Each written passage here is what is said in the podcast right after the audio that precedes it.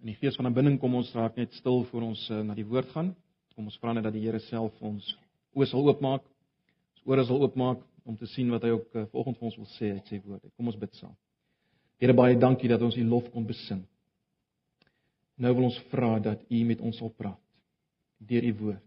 Dat ons sal verstaan dit wat U wil sê deur dit wat U baie baie jare gelede gebid het voor die ore van U disippels sodat ons dit vanoggend kan hê. Asseblief Here, kom, kom praat met ons. Ons vra dit in Jesus se naam. Amen. Kom ons bly weer na Johannes hoofstuk 17. Ons is steeds besig met Johannes hoofstuk 17. Johannes hoofstuk 17. Ons het die eerste 8 verse nou al uh, redelik deurgetrap. Wil hê ons moet volgende lees vanaf vers 9. Johannes hoofstuk 17 vanaf vers 9. Nou broers en susters, ek weet ons het 'n bietjie is 'n bietjie laat nou vir oggend. Maar ek wil hê jy moet 'n bietjie die tyd vergeet. Ons sal ons sal langer besig wees vanoggend. Uh so ontspan. Uh kom ons raak rustig. Kom ons luister na die woord en ons gee die tyd wat uh, nodig is aan die aan die woord vanoggend ook al is dit nou 'n bietjie laat. Kom ons lees vanaf vers 9 van Johannes hoofstuk 17. Ek lees die 83 vertaling. Ek bid vir hulle. Ek bid nie vir die wêreld nie, maar vir die wat U my gegee het omdat hulle aan U behoort. Almal wat aan my behoort, behoort aan U en wie aan U behoort, behoort aan my en ek word deur hulle verheerlik. Ek bly nie langer in die wêreld nie, maar hulle bly nog in die wêreld. Ek kom na U toe. Heilige Vader, bewaar hulle in U naam, die naam wat U my gegee het, sodat hulle net soos ons een kan wees. Toe ek by hulle was, het ek hulle in U naam bewaar, die naam wat U my gegee het. Ek het hulle beskerm en nie een van hulle het verlore gegaan nie, behalwe die seun wat verlore moet gaan sodat die skrif vervul kon word kan word. Vers 13: Maar nou kom ek na u toe. En ek sê dit terwyl ek nog in die wêreld is sodat hulle my blydskap in al sy volheid in hulle kan hê. Ek het die woord aan hulle gegee en die wêreld haat hulle omdat hulle nie tot die wêreld behoort nie, net soos ek ook nie tot die wêreld behoort nie. Ek bid nie dat u hulle uit die wêreld moet wegneem nie, maar dat u hulle van die bose moet bewaar. Hulle behoort nie tot die wêreld nie, net soos ek ook nie tot die wêreld behoort nie. Laat hulle aan U toegewy wees deur die waarheid. U woord is die waarheid. Soos U my na die wêreld toe gestuur het, het ek hulle ook na die wêreld toe gestuur. En ter wille van hulle wy ek my aan U toe sodat hulle ook deur die waarheid aan U toegewy kan wees. Ek bid egter nie net vir hulle nie, maar ook vir die wat deur hulle woorde tot geloof in my sal kom. Ek bid dat hulle almal een mag wees, net soos U Vader in my is en ek in U, dat hulle ook in ons mag wees, sodat die wêreld kan glo dat U my gestuur het. Die heerlikheid wat U my gegee het, het ek ook aan hulle gegee sodat hulle een kan wees net soos ons een is. Ek in hulle en U in my sodat hulle volkome een kan wees. Sodat die wêreld kan weet dat U my gestuur het en hulle liefhet net soos U my liefhet. Ons lees net so ver. Broers en susters, ons staan nog steeds op heilige grond as ons luister na hierdie gebed wat Jesus gebid het hardop voor die ore van sy disippels. En hy bid dit hardop sodat hulle bemoedig kan word en versterk kan word uh terwyl hulle gaan wees in 'n wêreld uh wat in rebellie is teen hom, 'n wêreld vol onsekerheid, 'n wêreld vol smart en lyding en misleiding. En hy bid dit ook sodat hulle kan weet hoe hulle vir mekaar moet bid in hierdie wêreld, sodat hulle blydskap kan beleef as ons net kyk na Johannes 16 vers 24. Maar baie belangrik vir ons omrede Jesus hierdie gebed hardop bid, kon Johannes dit opteken onder leiding van die Gees sodat ons dit vanoggend kan hoor, sodat ons bemoedig en versterk kan word in 2012 hier in Pretoria. En sodat ons kan weet uh wat om vir mekaar te bid. Ons wat wat deel is van hierdie liggaam wat begin het by by die disippels. Nou by die vorige twee geleenthede het ons gesien waarom Jesus vir hierdie mense bid in vers 6 tot 8. Ons het veral uit vers 6 gesien dat Jesus bid vir hierdie mense omdat hulle aan die Vader behoort het nog voordat hulle in kontak met hom gekom het. Het hulle aan die Vader behoort, die Vader het hulle eenkant gesit, die Vader het hulle gegee vir die Seun. Ongelooflik, ons het daarna gekyk. So hy bid vir hulle omdat hulle aan die Vader behoort. En verder meer omdat hulle gereageer het op die naam van die Vader wat Jesus bekend gemaak het. En ons het gesê sy naam beteken maar net sy karakter, wie hy is, het Jesus kom bekend maak en hierdie mense, hierdie disippels het dit gevat, dit aangeneem, hulle het dit geglo, dit eie gemaak en hulle was oortuig daarvan.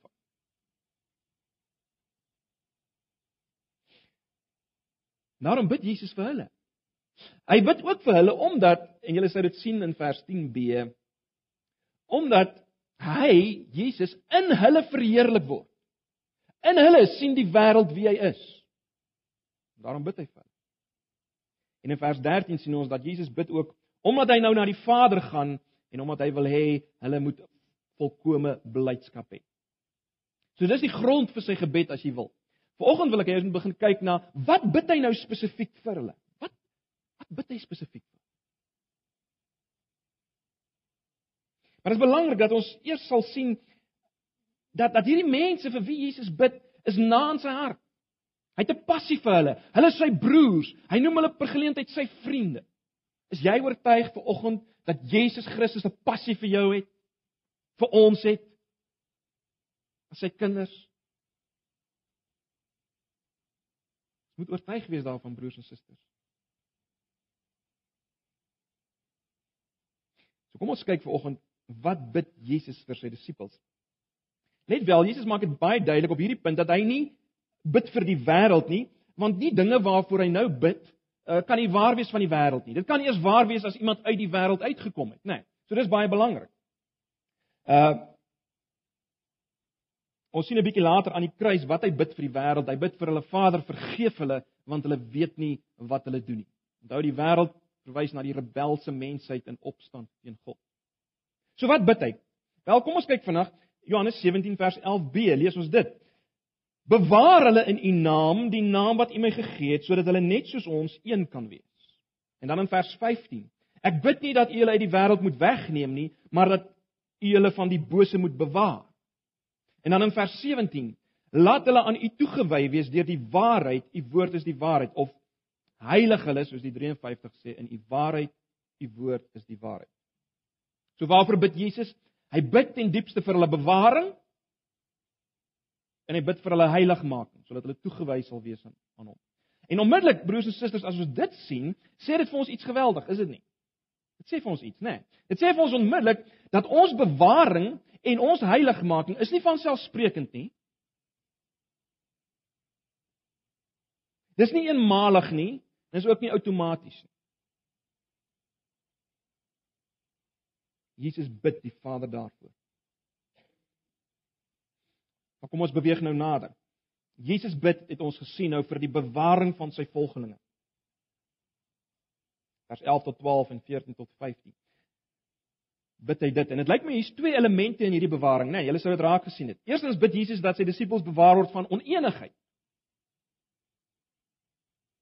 Bewaar hy bid dat die Vader hulle sal bewaar in eenheid. Ons gaan nou terugkom.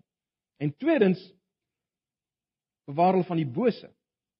Nou viroggend wil ek hê ons moet net stil staan by hierdie bewaar hulle in eenheid. Die bewaring in eenheid en ek gaan 10 punte uitlig daaromtrent. Nou broers en susters, die blote feit dat die gebed vir bewaring uit twee dele bestaan. Die bewaring van oneenigheid of die bewaring in eenheid en die bewaring van die bose onmiddellik sê dit vir ons iets en dit dit gee ons ons eerste punt vir oggend. Dan gaan ek net kortliks noem. Die eerste punt is dit: onenigheid moet ons raak sien. Onenigheid is net so 'n gevaar soos die duiwel en sy bose werke. Onenigheid is net so 'n gevaar soos die duiwel self en al sy boosheid as jy wil. En uh daar's ook 'n verband tussen die duiwel en sy boosheid en onenigheid. Dis ons eerste punt wat ons moet raak sien. Maar kom ons gaan verder. Wat sien ons nog? Kyk na vers 11 tot 13. Ek bly nie langer in die wêreld nie, maar hulle bly nog in die wêreld. Ek kom na u toe. Dit verwys na Jesus se kruis, opstanding en verhoging. Heilige Vader, bewaar hulle in U naam, die naam wat U my gegee het, sodat hulle net soos ons een kan wees. So Jesus bid hier dat die disippels een sal wees. Nou in in die Grieks is dit baie duidelik. Die betekenis is hier is hier nie een van om een te word nie. Dis nie wat hier staan nie. Hulle moet nie een word nie. Dit gaan om een te wees. So wat is die gedagte? Die gedagte is nie dat hulle 'n een eenheid moet bereik nie, nie, hulle is een. en hulle moet voortgaan in daardie eenheid. Hulle moet voortgaan in daai eenheid. Dit bring ons by ons tweede groot punt wat ek wil maak en dis dit. Eenheid en die voortgaan in eenheid die eenheid en die voortgaan in eenheid van gelowiges word bedreig. Word bedreig. sien julle dit? Jesus bid nie net vra nie net vir die eenheid van hierdie disippels nie, sien julle? Hy hy hy bid dat die Vader hulle sal beskerm, sal bewaar in eenheid. So onmiddellik sê dit vir ons die implikasie is dat donker magte en die duiwel self sal probeer om hierdie eenheid te breek en te verbreek. En het julle raak gesien niks anders nie as die krag van die Vader se naam is genoegsaam om hulle te bewaar. En wat word bedoel met die naam van die Vader? Wel, ons het dit klaar gesien. Wat is die naam? Ons het dit in vers 6 gesien. Die naam staan vir die karakter van God, wie God is. Dit en dit alleen kan sy kinders bewaar. Wat is 'n Christen? Wel ons het gesien 'n Christen is iemand wat 'n verstaan het van God, 'n kennis het van God wat die wêreld nie het nie. En Jesus bid as te ware dat die Vader sy mense in of deur hierdie kennis en verstaan van wie hy is sal bewaar. Bewaar hulle in u naam en die kennis en verstaan van wie hy is. Dit is kragtig. Toe Jesus op aarde was, het hy sy disippels bewaar, sê hy op hierdie manier. Kyk na vers 12. Toe ek by hulle was, het ek hulle in u naam bewaar. Met ander woorde, hulle bewaar in of deur wat hulle van u gesien het in my. U naam, u karakter. Ek het hulle beskerm en een van hulle het verlore gegaan nie behalwe die een wat verlore moet gaan sodat die skrif vervul kan word. Maar nou kom ek na u toe. Ek sê dit terwyl ek nog in die wêreld is sodat hulle my blydskap in al sy volheid in hulle kan hê. Nou dat Jesus die die die die die aarde verlaat, gee hy hierdie verantwoordelikheid as te ware om sy mense te bewaar, gee hy weer terug aan die Vader. sien julle dit? So die derde groot punt wat ons moet raak sien is dat die manier waarop Jesus sy disippels bewaar het en die manier waarop die Vader ons sal bewaar is deur die naam van God. Deur wie hy is en wat hy doen soos gesien in Jesus. Dis die manier hoe hy ons bewaar. Dis die enigste onfeilbare, effektiewe manier van bewaar. Ek wil nie nou daarop uitbrei nie, maar as jy wonder oor eh, oor, oor Judas, wat dan van hom wel, Jesus maak dit baie duidelik. Ek het hulle beskerm en nie een van hulle het verlore gegaan nie. Behalwe die een wat verlore moet gaan sodat die skrif vervul kon word. Nou as ons kyk na as jy kyk na Johannes 6 vers 38 dan is dit baie duidelik dat daar staan dis die wil van die Vader dat dat Christus die sal bewaar wat vir hom gegee is. En daai wil, sê Jesus, is perfek uitgevoer. Dit is perfek uitgevoer. Die wegval van Judas was binne die wil van God. En ek ek ons het nie volgende tyd om daarop uit te brei. Die punt is net Jesus het nie een verloor van die wat die Vader hom gegee het nie. En wat 'n vertroosting is dit vir ons. Wat 'n vertroosting is dit vir ons. Maar ek haas my na ons na my vierde punt. Die doel van hierdie bewaar is sodat hulle een sal wees soos Jesus en die Vader. sien julle dit? Bewaar hulle sodat hulle een sal wees soos Jesus en die Vader een is. En dit is baie belangrik om dit te sien broers en susters. Jesus bid nie dat die Vader jou sal bewaar net sodat jy nie uiteindelik moet verlore gaan nie. Natuurlik is dit ingeslote. Maar die rede waarom jy bewaar moet bly is sodat jy kan deel bly van hierdie groep mense wat die Vader vir Jesus gegee het, sodat die eenheid nie verbreek kan word nie. Dis waaroor dit gaan gaan nie net oor jou as individu nie, maar jy as deel van hierdie eenheid. Want anders word die eenheid verbreek. Maar baie belangrik, Jesus wil nie net hê jy moet deel bly van sy mense nie. Hy sê die doel van hierdie eenheid is dat hulle een moet wees soos Jesus en die Vader een is. Nou, uit die aard van die saak, soos met enige vergelyking, uh, is dit nie 'n absolute vergelyking nie, nê. Ons kan nie op elke punt dit te deurtrek nie. Byvoorbeeld, Jesus en die Vader is twee. Nee. Sy disippels is baie. Die gelowiges is baie. Jesus en die Vader staan saam in hulle skepende werk. Sien dit uit Johannes 1 al. Hulle staan saam in 'n skepende werk. Dit kan nie van ons gesê word nie. Jesus en die Vader deel 'n voorskepingsheerlikheid. Dit kan nie van ons gesê word nie. Ons deel nie in daai eenheid wat wat hulle een is nie. So waarin moet ons een wees soos die Vader en die Seun een is? Wel As ons die hele boek Johannes in gedagte hou, dan dink ek ons kan met redelike sekerheid sê dat hierdie perfekte eenheid tussen die Vader en die Seun het gelê in die volgende dinge: in liefde, doelwit, heiligheid en waarheid.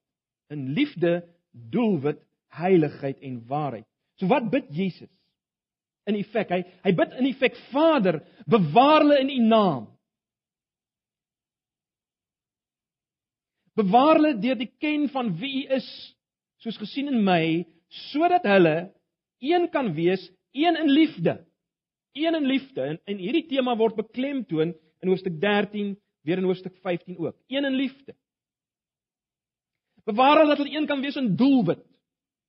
Naamlik vrug dra, getuienis, gehoorsaamheid, hierdie dinge waaroor al geskryf is, ook in hoofstuk 15. Een in heiligheid.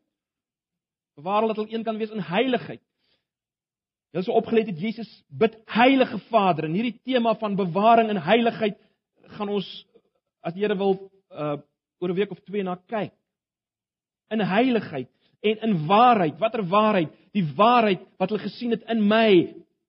Wat die waarheid is, die waarheid van wie U is soos in my gesien. Bewaar hulle in die waarheid. Laat hulle een wees in hierdie waarheid. En onmiddellik broers en susters kan ons dan aflei wat hierdie eenheid bedreig, is dit nie? En hieroor kan mens baie praat, maar dink net daaroor. Wat sou dit bedreig? Eenheid in liefde, doelwit, heiligheid en waarheid. Wat sal dit bedreig? Wel, dinge soos jaloesie, haat en skeurmakery, skinder, praatjies, arrogansie, isolasie, selfsug, bitterheid. 'n onverge onvergeeflike gees. Tong wat tweedrag saai gebrek aan samewerking en ongeduld. Dit sal byvoorbeeld die die eenheid in doel bedreig waar hierdie dinge wat ek nou net genoem het, die eenheid in liefde sal bedreig. En dan alle soorte sonde en leuns. Kroniese ongeloof. Bedreig hierdie eenheid in waarheid. En Jesus bid dat die Vader ons antipas daarvan sal bewaar. Hoe? Ja, dat ons oortuig is van wie hy is soos gesien van wie van wie die Vader is, wie God is soos gesien in Jesus. Dis die manier hoe hy ons gaan bewaar. Terloops die twee die twee woorde wat Jesus gebruik hier vir bewaar is pragtige woorde en ek kan nie daarop uitbrei vanoggend nie, maar is woorde wat pas by die die herders van daai tyd, nê, nee, die herder wat as te ware eenkant gesit het en hy het sy skape dopgehou. Dis die eerste gedagte in die woord bewaar. Hy hou hulle dop en dan beskerm hy hulle ook van gevaar pragtige beeld. Dis wat die Vader met ons doen. En dis waarvoor Jesus bid dat die Vader sal doen met ons. Jesus het dit gedoen met sy disippels, broers en susters. Hulle was gebroken. Hulle het verskille gehad, hoor. Hulle het ook baie keer geredeneer oor wie se grootste. Dit wou belangrik wees, maar Jesus deur sy lering, deur sy waarskuwing, deur sy opofferende liefde het hulle bewaar, het hulle saamgehou as een. Nou wil ek hê ons moet ons fokus bietjie verskuif na vers 20 tot 26 want daar sien ons nog 'n paar dinge van oor hierdie eenheid wat ons vanoggend net vinnig moet uitlig. En die eerste ding wat julle sou opmerk is dat dit 'n eenheid is wat moet uitbrei.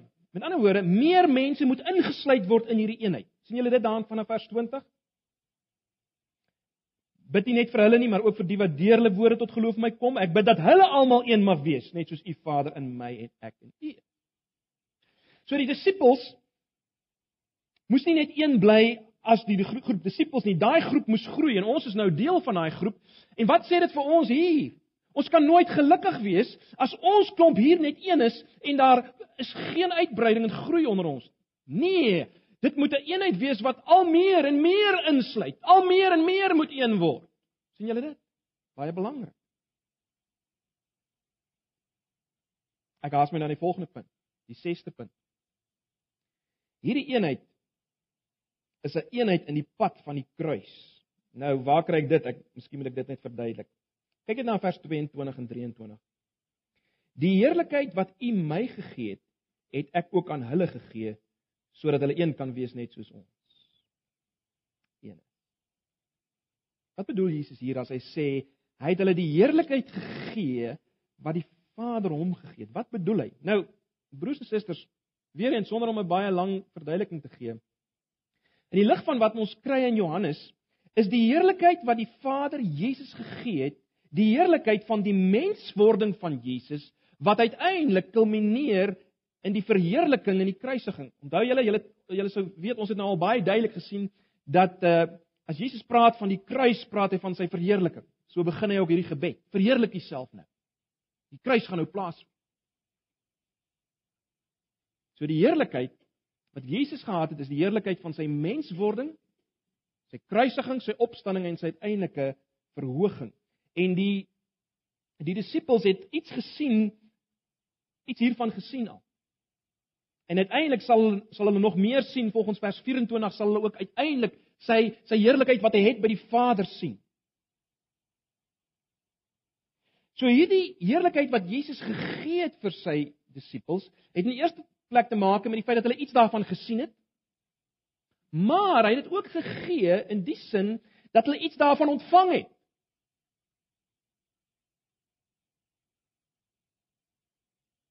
Met ander woorde, hulle het dit nie net gesien nie, hulle besit ook iets van hierdie heerlikheid. So wat sou dit beteken as dit die heerlikheid is? Wat sou die besit daarvan beteken? Wel broers en susters, in kort beteken dit dit. Ons ware heerlikheid Dit wat ons nou gekry het, ontvang dit van Jesus, die disippels en ons. Is wat? Dis die weg van die kruis. Dis as ons daardie pad stap. Ja, ons sal ook eendag verhoog word en verheerlik word. Maar ook die die lyding, die swaar kry wat ons nou deurgaan as sy kinders, is ons heerlikheid nou al. Die pad van die kruis is klaar heerlikheid. So, wat is die implikasie van eenheid? Ons is een in ons swaar kry, in ons lyding as kinders van die Here. Ons is een daarin.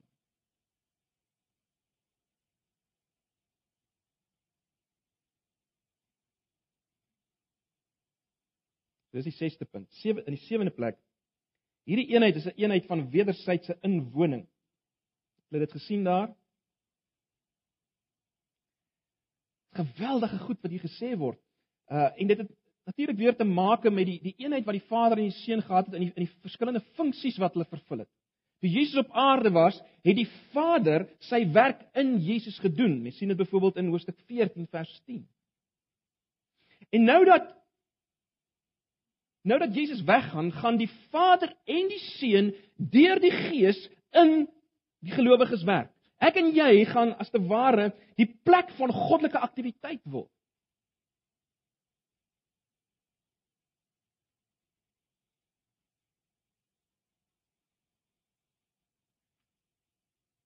Ons gaan al meer daardie eenheid beleef.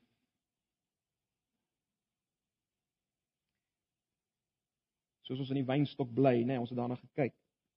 En 'n agste punt is dit, hierdie eenheid moet toeneem. sien julle dit in vers 23? Hierdie eenheid moet toeneem. Ek en hulle en u in my sodat hulle volkome een kan wees. Ehm uh,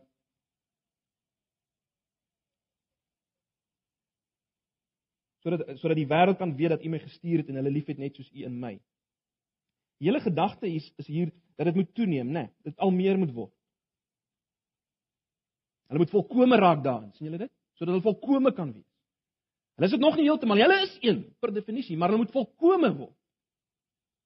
So hier is 'n die hele gedagte van van die eenheid wat moet toeneem.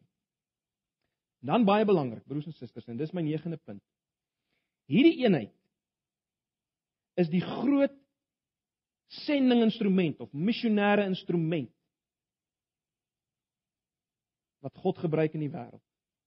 Want dit wys Jesus Christus. sien julle dit in vers 21 en vers 23?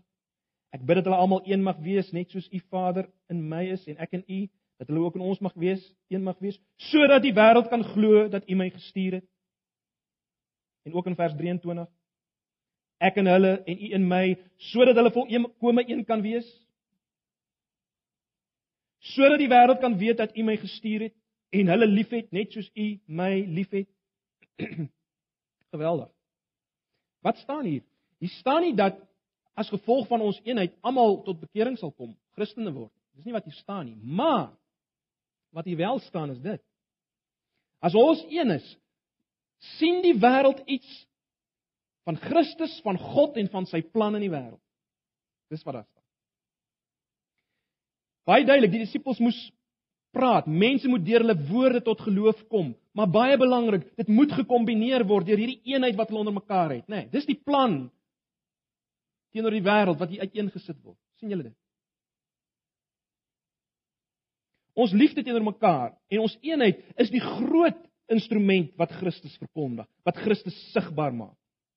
Jy sien, hierdie liefde tussen ons is so onverklaarbaar dat daar net een antwoord kan wees: Christus. Die Vader het hom gestuur. Die Vader het hom lief. En die Vader het ons lief. Die Vader het ons lief. Maar meer nog as dit. Ons eenheid in liefde broers en susters wys dat die Vader ons liefhet soos hy Jesus liefhet En daarom wys dit dat die Vader hulle liefhet. Hy het sy seun gestuur. Kom ons stel dit in die negatief. As ons nie een is nie en mekaar nie liefhet nie, is daar geen manier waarop ons geloofwaardig aan die wêreld kan vertel dat die Vader Christus gestuur het en ons liefhet soos hy Christus liefhet en dat die Vader hulle liefhet. Daar's geen manier as ons nie een is. Geen manier.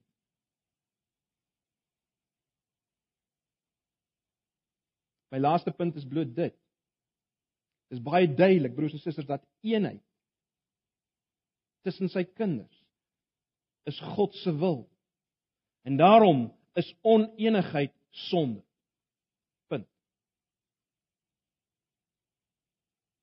Kom ek sluit af met 'n laaste paar toepaslike implikasies.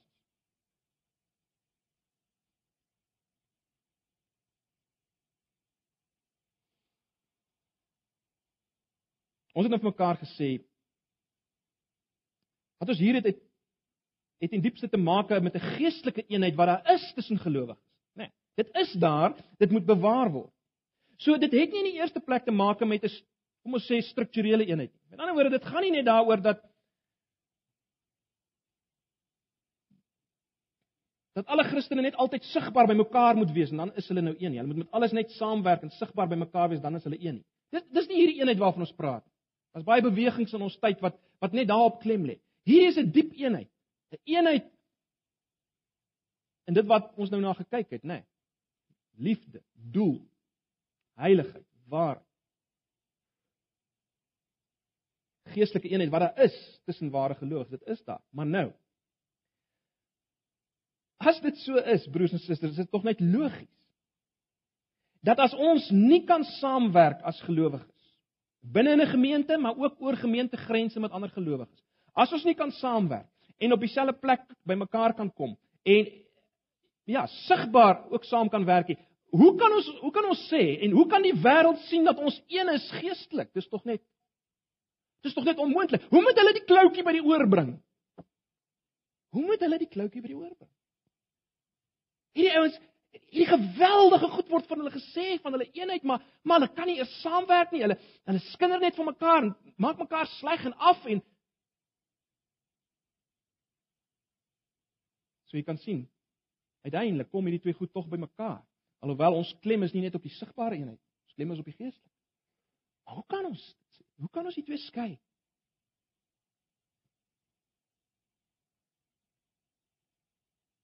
En daarom broers en susters, die tweede punt is net dit. Ons mag nooit, kom ek stel dit so, ons mag nooit vrede maak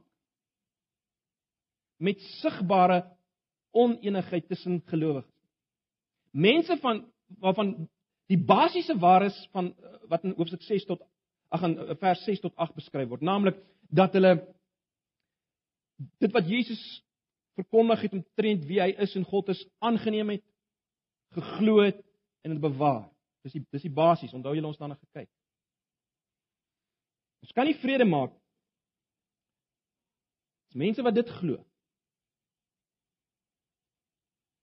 ook nie sigbaar een is. Kom ek maak dit meer prakties. Die verskeurdheid tussen denominasies is iets waaroor ons nooit kan vrede maak. Nooit meer kan vrede maak. Dit moet altyd iets wees wat ons op ons knie dryf. Jy sien die, die tragedie is dat denominasies en groepe maak iets een aspek van wat hulle dink waarheid is en hulle verabsoluteer dit. En dis die ding waar dis die banier waaronder hulle waaronder hulle as te ware vaar en niemand wat nie rondom daardie een ding so dink kan saam met hulle gaan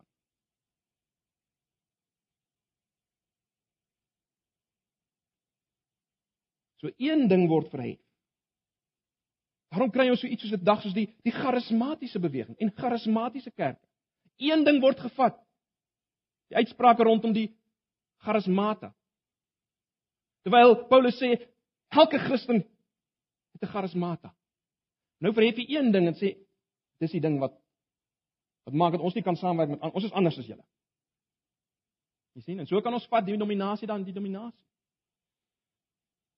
Selfs baptiste om een ding te vat, die doop. Dis nou die ding. Wat ons anders maak. Ons afskei van julle. Dis 'n tragedie. Dis 'n tragedie. So kan ons aangaan. Aangaan. Ons mag nooit vrede maak daarmee nie broers en susters. Kom ek stel dit so. As ons vanuit God se perspektief kyk, is dit wat die Here sou wou hê, is dat sy kerk daar, sy kerk sal wees in Pretoria. Ja. Ons sal nie almal by een plek bymekaar kan kom nie, maar sy sy liggaam sou moes sigbaar word in Queenswood en Pretoria Noord en en in Garsfontein, waar ook al. Die kerk van Jesus Christus. Nie hierdie naam en daai naam wat een waarheid uitblik nie. Dit was nie so in die Nuwe Testament nie. Dit was die gemeente van Jesus Christus in Korinte in Efese, in Rome. Want hulle besef hoe belangrik is die eenheid. Dit is onsaglik belangrik. Ons stel die ons stel Jesus en die Vader skeef voor as ons nie een is nie. So ons kan nie daarmee vrede maak nie. Nog minder kan ons vrede maak daarmee dat ons skei op grond van van ras. Ons is 'n gemeente vir blankes. Dis 'n dis 'n gruwel vir God. Net 'n wit gemeente. Nou daar's baie redes hoekom ons kan sê ja, ons is oorwegend 'n 'n 'n wit gemeente vanoggend. Daar's baie redes wat ons kan gebruik, maar broers en susters, ons kan nie vrede maak daarmee nie. Ons kan nie vrede maak daarmee. Iets is verkeerd.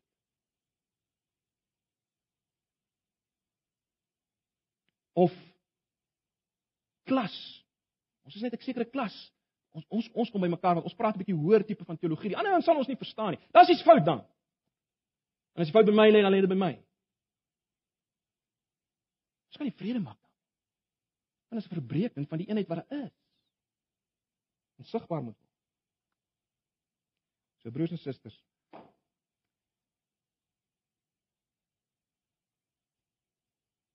Het 'n vierde punt en ek wil hê ons moet elkeen nou maar net by homself stil raak. As eenheid so belangrik is, as Jesus soveel spasie as ek dit so kan noem, soveel tyd binne hierdie gebed van hom daarin afstaan. Dan moet ek en jy ons eie harte vanoggend ondersoek en ek wil vra elkeen sy oë nou sal toemaak en net by homself ondersoek jouself net wat hierdie saak betref, hoe belangrik dit vir jou is.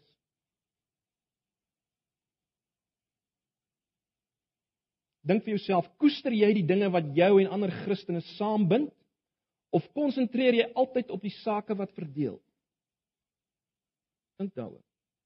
Jy, los nou die ander ou. Jy. Waarop konsentreer jy?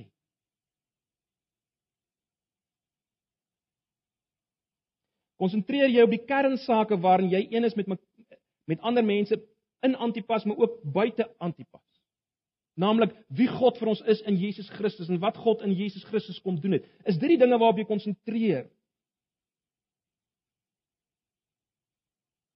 Of debatteer jy altyd oor oor oor randsake? En hier kan jy myself invoeg. Miskien nog meer belangrik, hoe praat jy oor mede-Christene? Broers en susters, dit dit grief my as ek baie keer hoor hoe praat Christene en selfs mense uit ons eie geleedere oor ander kerke en groepe en Christene. Hoe praat jy? Hoe dink jy oor hulle?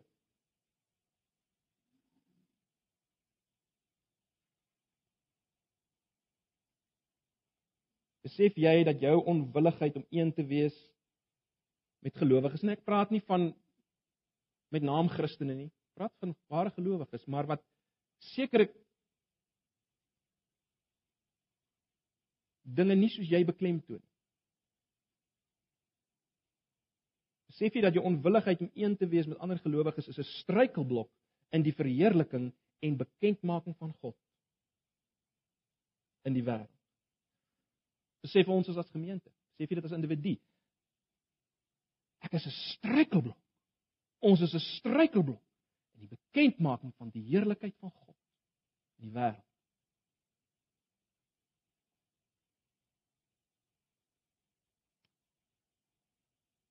Ek gee kans broers en susters dat ons dit voor die Here bely in hierdie oomblikke. Bely dit voor.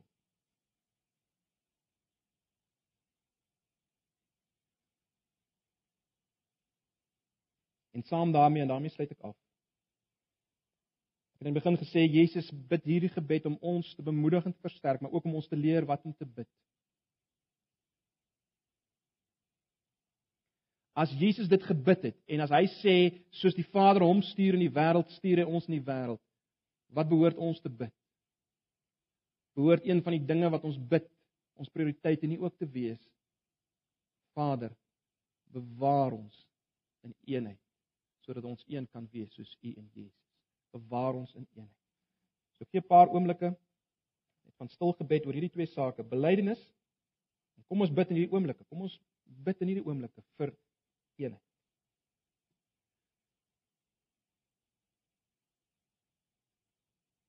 Ag natuurlik broers en susters, as ons nie eens in ons huise kan een wees tussen mekaar nie in die Here nie. Wat 'n tragedie. Wat 'n sonde. Kom ons bely dit. Vader, U het elkeen van ons se gebede gehoor in hierdie oggend. U ken ons harte. U weet hoe skuldig is ons.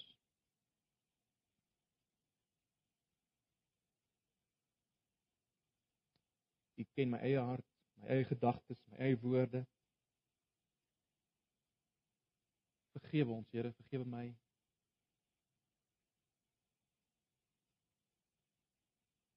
Here, my gebed in hierdie oggend is dat ons in Antipas een sal wees. Bewaar ons van die aanvalle van die bose. Maar Here, wil ook bid dat ons eenheid sal toeneem en dat ons dat meer en meer ingesluit sal word by ons eenheid. Ek bid dat U ons genade sal gee om al meer en meer oor tradisionele grense een te raak met broers en susters wat net soos ons dink oor u verhouding staan met u wat ook mense is wat deur die Vader vir u gegee is vir wie u 'n verlossing bewerk het u bloed gestort het vir hulle net soos vir ons. Help ons daarmee Here. Gee ons krag. En doen dit deur u naam deur ons al meer en meer sal sien wie U is, Vader, in Jesus Christus. Asseblief. Ons vra dit in Jesus se naam. Amen. Ons gaan die volgende afsluit met 'n laaste lied nie.